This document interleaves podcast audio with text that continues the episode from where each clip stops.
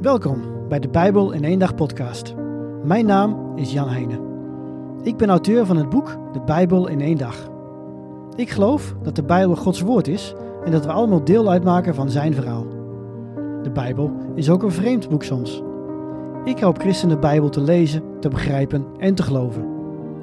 Op de Bijbel in één dag.com kun je het e-book De Bijbel in één dag gratis downloaden.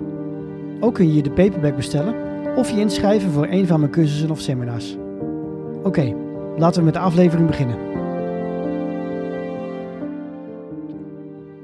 En we staan stil bij de brief aan de Filippenzen. Paulus' brief aan de Filippenzen is voor veel christenen een van de favoriete Bijbelboeken. Het is een prachtige en ook praktische brief vol bemoedigingen en aansporingen. Paulus hield van alle christenen, maar de Filippenzen lijken een speciaal plekje in zijn hart te hebben.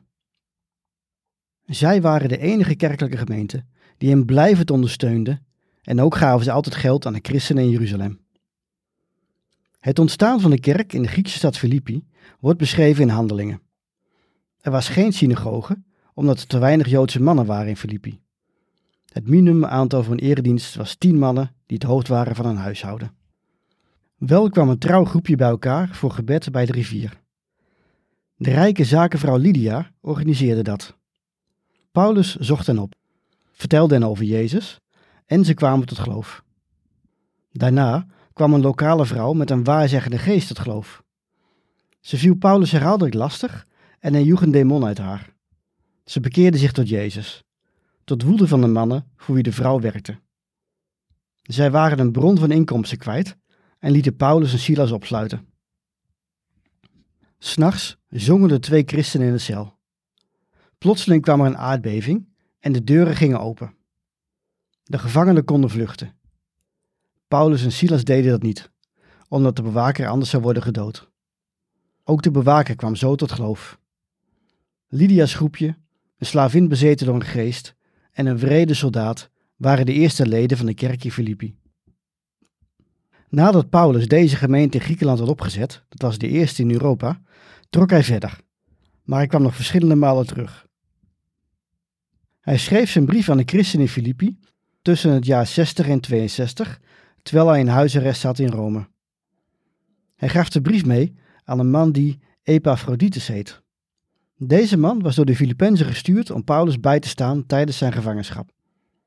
Hij was echter flink ziek geworden en zelfs bijna gestorven. Daarom stuurde Paulus hem met een aanbeveling terug naar Filippi. Paulus begint zijn brief met een gebed, waarin hij zijn dankbaarheid uit voor de trouw van de gelovigen in Filippi en alles wat ze voor hem hebben gedaan. Hij ziet dat God in hen een werk is begonnen en dat hij dit werk ook zal voltooien. In veel kerken wordt dit Bijbelvers gebruikt als opening van een kerkdienst. Paulus weet dat de Filippenzen zich ongetwijfeld zorgen maken om hem, omdat hij gevangen zit. Hij wil deze zorgen bij hen wegnemen door erop te wijzen dat het evangelie nog steeds wordt verspreid, zelfs in Rome. Paulus' gevangenschap draagt hij zelfs aan bij. Bovendien zegt hij: Voor mij is leven Christus en sterven winst. Hij bedoelt daarmee dat we hier op aarde Jezus dienen en dat is goed. Voor Jezus aan het werk zijn is mooi, maar kan ook zwaar zijn. Daarom is sterven winst, want dan ben je altijd bij Jezus. Toch is Paulus ervan overtuigd dat zijn werk nog niet klaar is.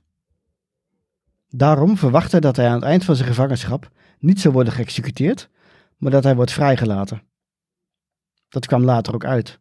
Pas na Paulus' volgende gevangenschap, enkele jaren later, werd hij onthoofd. De Filippenzen moeten eenzelfde houding hebben, het is de houding van Christus. Hier in hoofdstuk 2 vinden we het hart van Paulus' boodschap. Hij zegt: Laat onder u de gezindheid heersen die Christus Jezus had. Hij, die de gestalte van God had, hield zijn gelijkheid aan God niet vast, maar deed er afstand van. Hij nam de gestalte aan van een slaaf en werd gelijk aan een mens. En als mens verschenen heeft hij zich vernederd en werd gehoorzaam tot in de dood, de dood aan het kruis. Daarom heeft God hem hoog verheven en hem de naam geschonken die elke naam te boven gaat, opdat in de naam van Jezus elke knie zich zal buigen, in de hemel, op de aarde en onder de aarde. En elke tong zal beleiden, Jezus Christus is Heer, tot eer van God, de Vader. Jezus was God, maar deed afstand van al het goddelijke en werd een mens. En als mens liet hij zich vernederen en doden. De beloning is dat hij de heerschappij over de aarde zou krijgen. En op een dag zal elke tong beleiden: Jezus Christus is Heer. Ik hoop dat dit stukje weer doet denken aan Adam en Eva.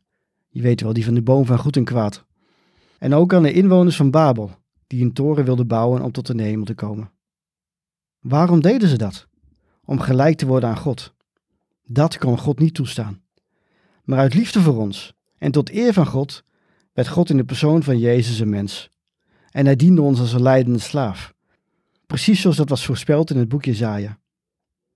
Het doel van de brief van de Filippenzen is zoals gezegd om hen te bedanken, hun te vertellen hoe het gaat met Paulus, maar ook dat zij leren wat het betekent om Christus te volgen.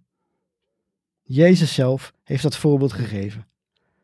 Paulus doet wat Jezus doet, maar hij ziet ook het werk dat God in zijn assistenten Timotheus en Epaphroditus heeft gedaan. Ook zij lijken op Jezus. Het is een aansporing van die Filippenzen om ook steeds meer op Christus te gaan lijken. Maar hoe doe je dat?